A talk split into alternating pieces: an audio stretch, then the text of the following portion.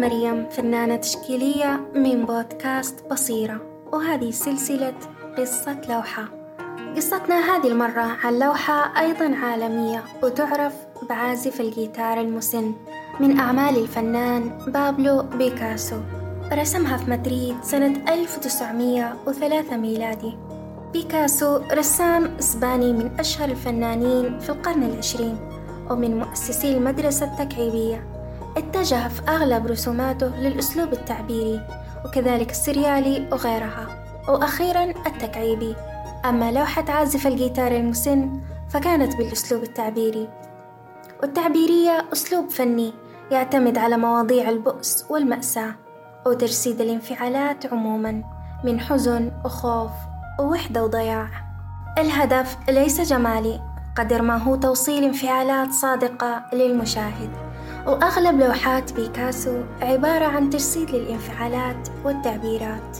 استخدم بيكاسو في هذه اللوحة ألوان الزيت على قطعة من القماش. نتابع المشهد سويا كونوا بالقرب.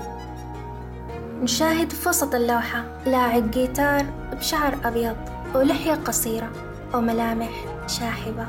يظهر كأنه أغمض عيونه عن قصد أو ممكن كفيف. نحيل ورث الثياب. يجلس على الأرض بساقين متشابكة ومنحني على آلة الجيتار. يضمها بيد واليد الأخرى ثابتة بمنتصف الآلة.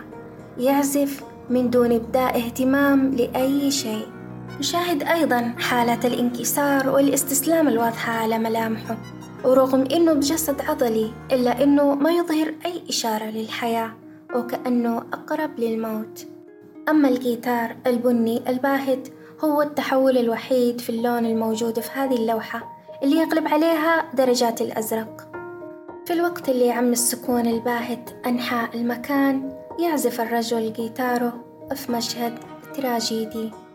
وبعد متابعتنا لهذا المشهد بنحكي عن دوافع الرسام اللي استنبطها بعض النقاد من تفاصيل الرسمة. كونوا معنا.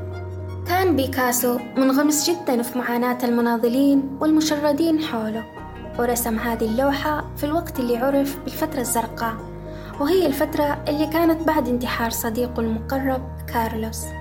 أنتج فيها بيكاسو كثير من الرسومات اللي يغلب عليها البؤس والسوداوية وأكثر فيها من اللون الأزرق بدرجاته وهذا السبب لتسميتها بالفترة الزرقاء.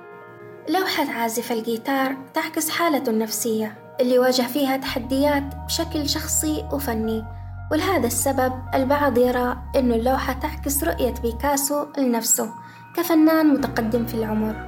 وقد يكون العمل مرتبط بالموسيقى ودورها في حياة بيكاسو لأنه كان وقتها محاط بموسيقيين مشهورين وانعكس هذا على شغفه بهذا الفن. وإن كانت الرسمة تصوير لأقصى درجات الألم والفقر لكن هذا يؤكد أن المبدعين مهما شعروا بالبؤس ما لهم أمل إلا جمالية حرفهم كنوع من المقاومة للخروج من الكربة الإنسانية أيا كانت. وممكن نشاهدها بمنظور مغاير كتعبير عن الفكرة العميقة للزمن وتأثيره على ملامح الإنسان.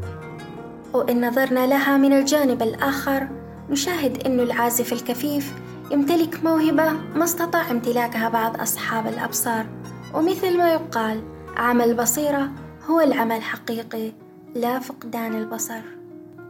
بالتأكيد التفسيرات والتحليلات النفسية للرسمة تتأثر بمنظور المحلل والناقد الفني أو متذوق الفن بشكل عام.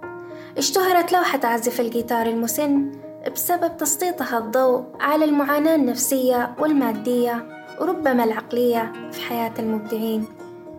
ما تم توثيق مدة استغراق بيكاسو في رسم اللوحة لكنها واحدة من أعماله المؤثرة البالغ عددها خمسين ألف عمل منها ثلاثة عشر ألف لوحة وموزعة في عدة أماكن ومتاحف. أما لوحة عازف الجيتار المسن فتعرض حاليا في معهد شيكاغو للفنون في الولايات المتحدة.